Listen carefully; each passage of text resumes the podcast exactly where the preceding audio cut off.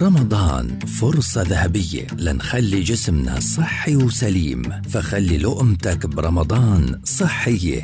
لقمة رمضانية. برنامج بتقدم لنا فيه أخصائية التغذية آية الفار. نصيحة صحية ذهبية في كل بودكاست. لقمة رمضانية يأتيكم خلال شهر رمضان في مثل هذا الموعد عبر أجيال.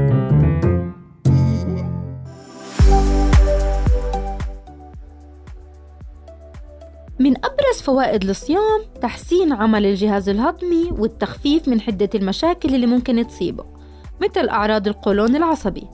لكن عاداتنا وسلوكياتنا الغذائية بتسبب العديد من الاضطرابات مثل الغازات، الشعور بالتخمة، عسر الهضم والإمساك وغيرها. حلقة اليوم رح نحكي لكم كيف نعدل سلوكياتنا ليكون رمضان أكثر صحة وخفة. بالبداية نتدرج بالإفطار. يعني نبدأ بالشوربة وبعدها السلطة وبعدها الطبق الرئيسي لنهيئ جسمنا للوجبة اللي منتناولها. كمان ممكن الجفاف إنه يؤدي لزيادة بالأعراض من الإمساك والانتفاخ وغيرها. لهيك من الضروري إنه نستهلك كمية ممتازة من السوائل الماء الشوربات الصحية الخضروات والفواكه. ونوزع كمية المي اللي بحاجة لإلها من 8 ل 12 كوب خلال فترة الإفطار للسحور.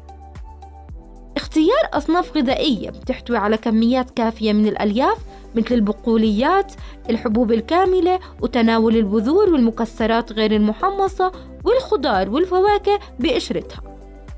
ونركز على تناول اللبن والمخللات بكمية معتدلة لأنها من الأطعمة الغنية بالخمائر النافعة أو البكتيريا المفيدة في الأمعاء البروبيوتيك اللي بتساعد على تحسين الهضم وتقليل أعراض اضطراب الجهاز الهضمي على المدى البعيد.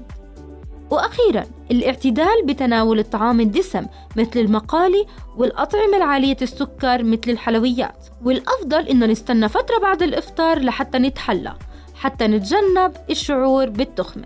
تابعونا لمزيد من النصائح والإرشادات المتعلقة بصحة وتغذية أفراد العيلة ضمن برنامج لقمة رمضانية معي أنا أخصائية التغذية آية الفار.